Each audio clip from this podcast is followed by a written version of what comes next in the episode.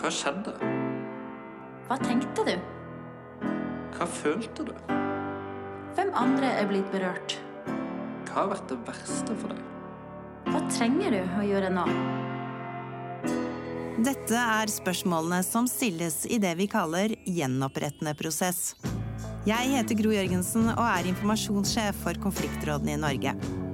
I Konfliktrådspodden forteller vi deg om det som skjer i meklingsrommet. Ansikt til ansikt møtes de som har noe uoppgjort seg imellom. Velkommen til det vi kan kalle en ekstrautgave av Konfliktrådspodden. Temaet er som det alltid er, nemlig konflikter og konfliktløsning.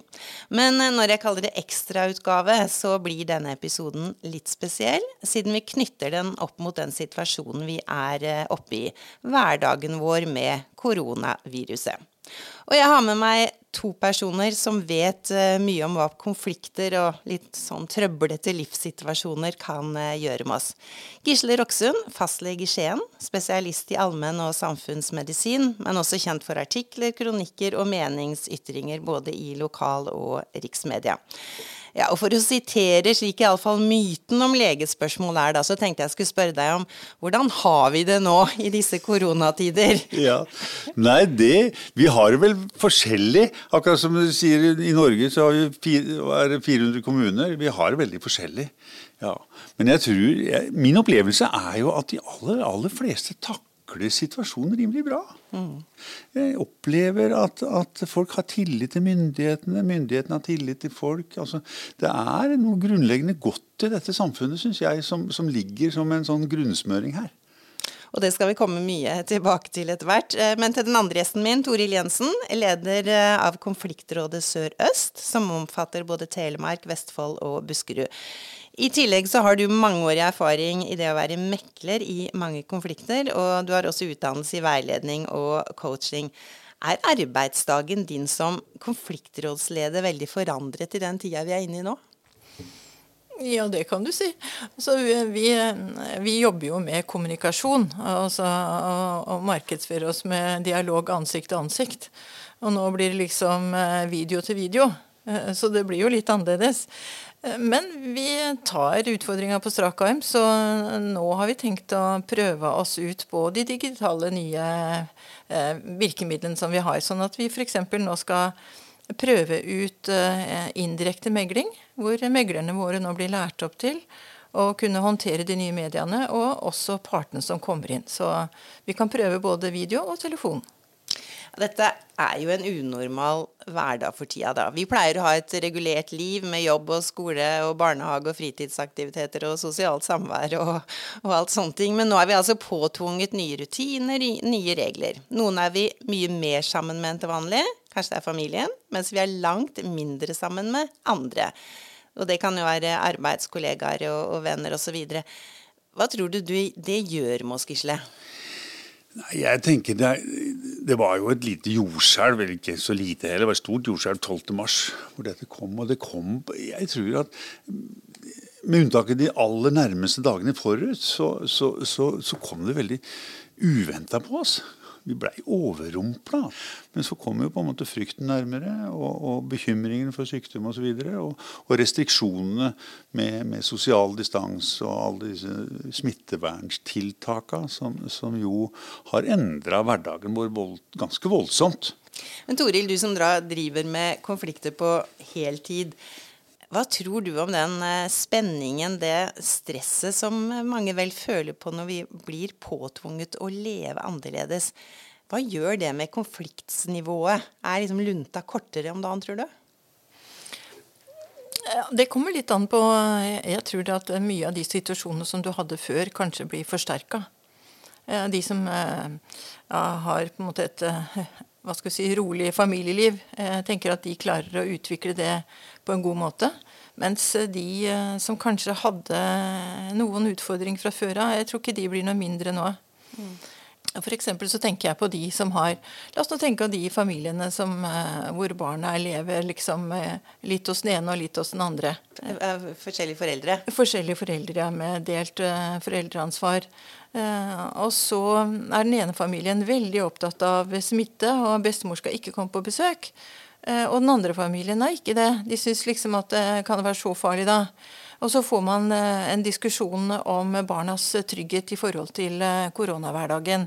Altså, Den er jo helt ny. Mm. Men jeg tipper at eh, det kan være andre diskusjoner også som har foregått i den familien før det. Så mm, jeg tror de, liksom, dette er trykket på de knappene som vi kanskje hadde litt problemer med fra før også. Det kjenner jeg meg veldig igjen i mine samtaler med mine pasienter. Mm. At de som har det greit, og, og, og, og sånt, de syns det er nydelig å være hjemme. Og de nyforelska syns det er flott å være, se hverandre og, alt sånt. ikke sant? Nyfødte barn er i sin boble, og det er nydelig. Eh, mens de som har hatt det vanskelig, det er forsterkes fordi en blir mer tett innpå hverandre over tid. og en folk har ikke disse normale luftekanalene. Ja, altså, tenk på det å skal ha hjemmekontor. Mm -hmm.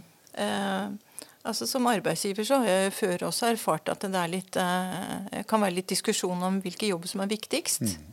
Men nå med hjemmekontor, ja. Hvor barna også skal ha hjelp til skole, mm. det skal settes opp møter. Eh, hvem skal gå foran? Hvilken jobb skal gå foran? Jeg tror det også skaper ganske mange diskusjoner som det, eh, det kan være vriene. Det setter store krav til samarbeid, ja. ja. Og, og, evnen til og viljen til å se den andres behov. Mm. Helt og da vi, snakker vi kanskje om eh, verdien. altså hvis, det, hvis, verdien på meg blir litt mindre enn deg, jobben din er viktigere, så kan vi kanskje være oppe i litt vanskelige Og det er, jo, det er vi jo alle veldig vare for, selvfølgelig. Og, og kjønnsrollemønstre kan forsterkes, selvfølgelig. Mm. Så må vi snakke litt om hjemmesituasjonen.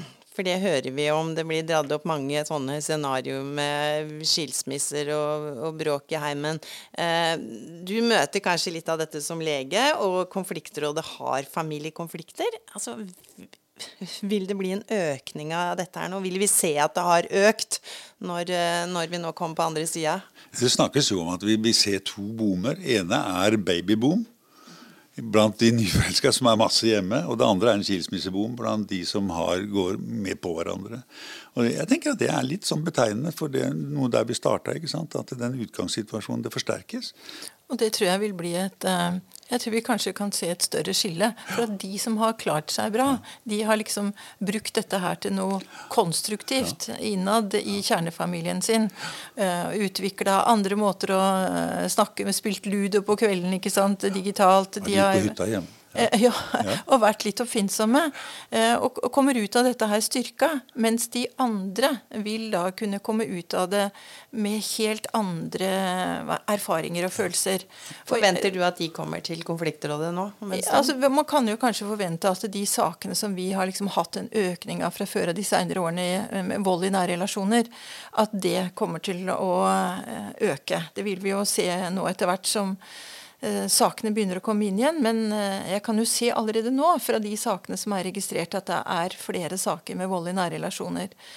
Eh, kan du tenke deg at de skal gå oppå hverandre. Og nå har jo de da som hva skal vi si, er litt feige, som bruker liksom slag til å få det sånn som de vil ha det. De har jo ingen som korrigerer dem lenger, ved at det er veldig lite synlig i, i samfunnet. Nå er det liksom de fire veggene som du er eh, innafor.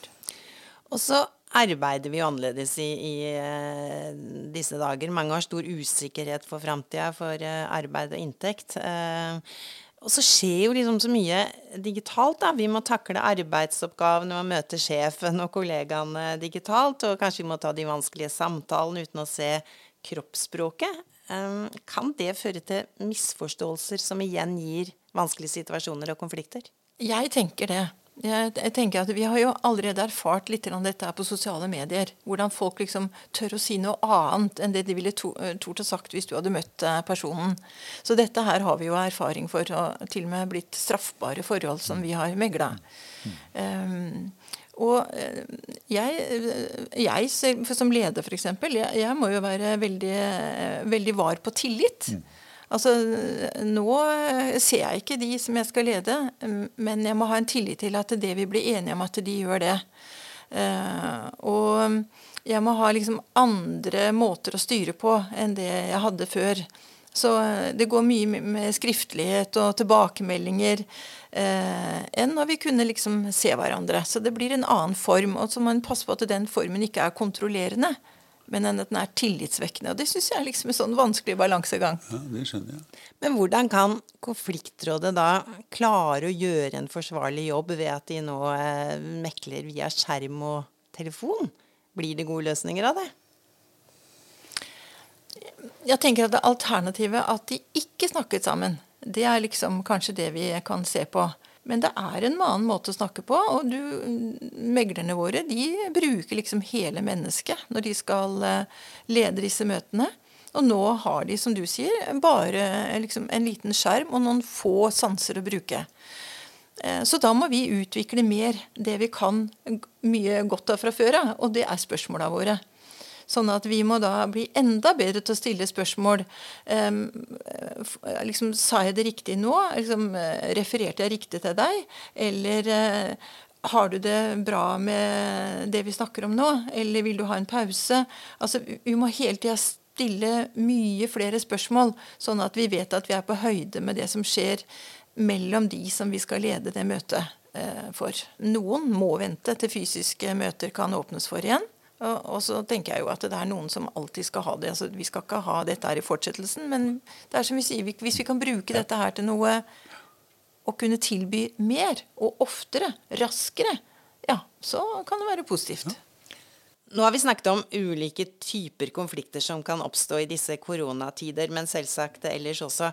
Men dere to som vet eh, litt om hva konflikter gjør med folk, så har jeg lyst til å snakke eh, litt om nettopp det. Altså hva gjør konflikter med oss, og hva er kjennetegnet på dem som er i konflikt? Ja jeg, så jeg, jeg, opp, jeg kjenner på dette hver eneste dag på kontoret. Som, for jeg, jeg pleier å si snakker mye om helse og hva som påvirker folk. og sånt, og Jeg pleier å si det er to ved siden av flaks og uflaks her i livet. da, Så, så har helse veldig mye med, med, at livet går i kroppen. Erfaringer, det vilkåra en vokser opp under, lever under og sånt noe. Eh, det, det kan være mer eller mindre sykdomsfremkallende. Det er det ene. Og det andre er jo hvordan vi har det med oss sjøl og med hverandre. Eh, og de, de, det, det å, å, leve i en konstant konfliktsituasjon med f.eks. sine nærmeste, er veldig belastende. En er hele tida på alerten. En har, er i, of, veldig ofte i alarmberedskap. En har kort vei til sinne, til frustrasjoner å leve under konstant et høyt konfliktnivå og store uavklarte uoverensstemmelser, noe uoppgjorte, vanskelige saker osv. er å bli belastende. Ja, jeg må være absolutt enig i det. Jeg tenker at forutsigbarhet i livet ditt, som de fleste trenger, den blir på en måte borte. For du liksom vet ikke hva som skjer i neste steg i forhold til det du er oppi. Du er veldig styrt av følelser. Eh, og den blir anspent, og, og så blir du veldig Du kan bli selvsentrert. Sånn at det er vanskelig for deg liksom å ta inn det som andre rundt deg også opplever, og det forsterker jo konflikten igjen. Og så blir man ofte offer for egne fordommer. Altså, Der er vi deg, vet du. ikke sant? Ja, han der, der, han har jo alltid vært sånn. Altså, Vi blir veldig snevre i måten vi tenker på. Og, og, og, alt det der er jo ikke utviklende. Det tror jeg er sykdomsfremkallende. Men det hender at du sier til pasientene dine at uh, altså, du kan få en bedre helse. Du kan bli bedre du, hvis du sørger for å prøve å løse opp i de konfliktene som jeg skjønner ja, ja. du er oppi. Ja, du sier det konkret. Ja, ja, ja. Det er helt klart at, at og, og, jeg sier hvis de kommer og de er redd for blodtrykk og kolesterol og hva som helst, ikke sant, og vekta to kilo for mye og alt dette her, så, det, men, så, kan jeg veldig ofte si at ja, men det er ikke dette som er avgjørende for din helse. Det er det at du lever i denne konstante konflikten, og at du ikke kommer ut av den.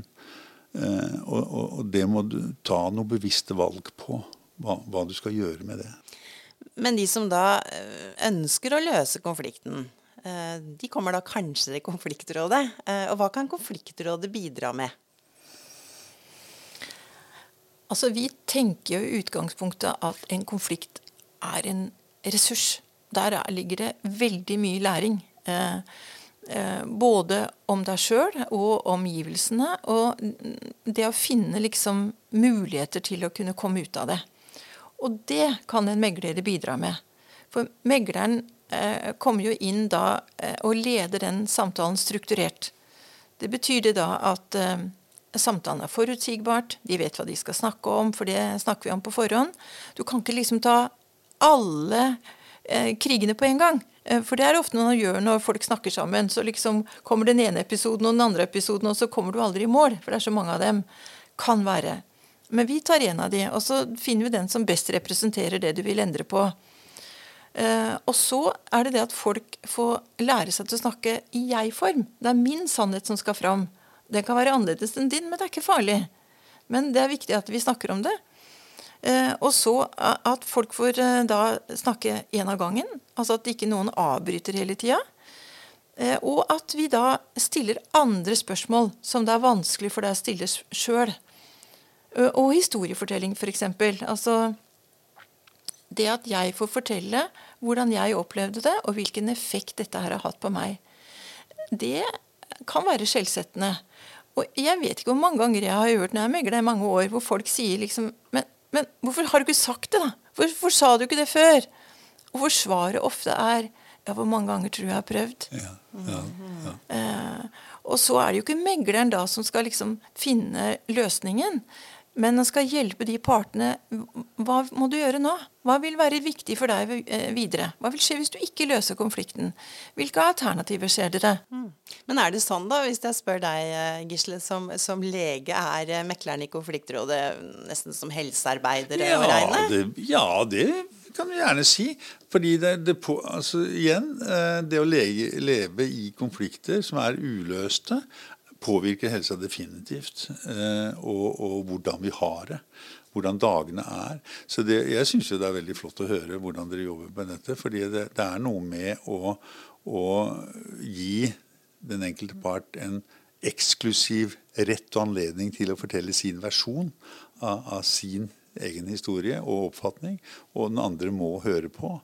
For kan et sånn tenkt scenario for konfliktrådet, hvis vi tenker videre på det, kan være både at vi får en ja, nabokrangel fordi at i stresset og presset i hjemmefamilien så ser du plutselig at han naboen din gjør noe som irriterer deg veldig, og så åpner du vinduet, og så lar du litt av stresset gå utover eh, naboen, og at det kan bli en konflikt, til dette at eh, ja, jeg har en konflikt med naboen, men nå skjer det så dramatiske ting rundt i verden og i Norge at eh, nå er ikke det noe å mase noe mer med. Er det noen tenkte situasjoner du kan se for deg, Toril, som konfliktrådsleder?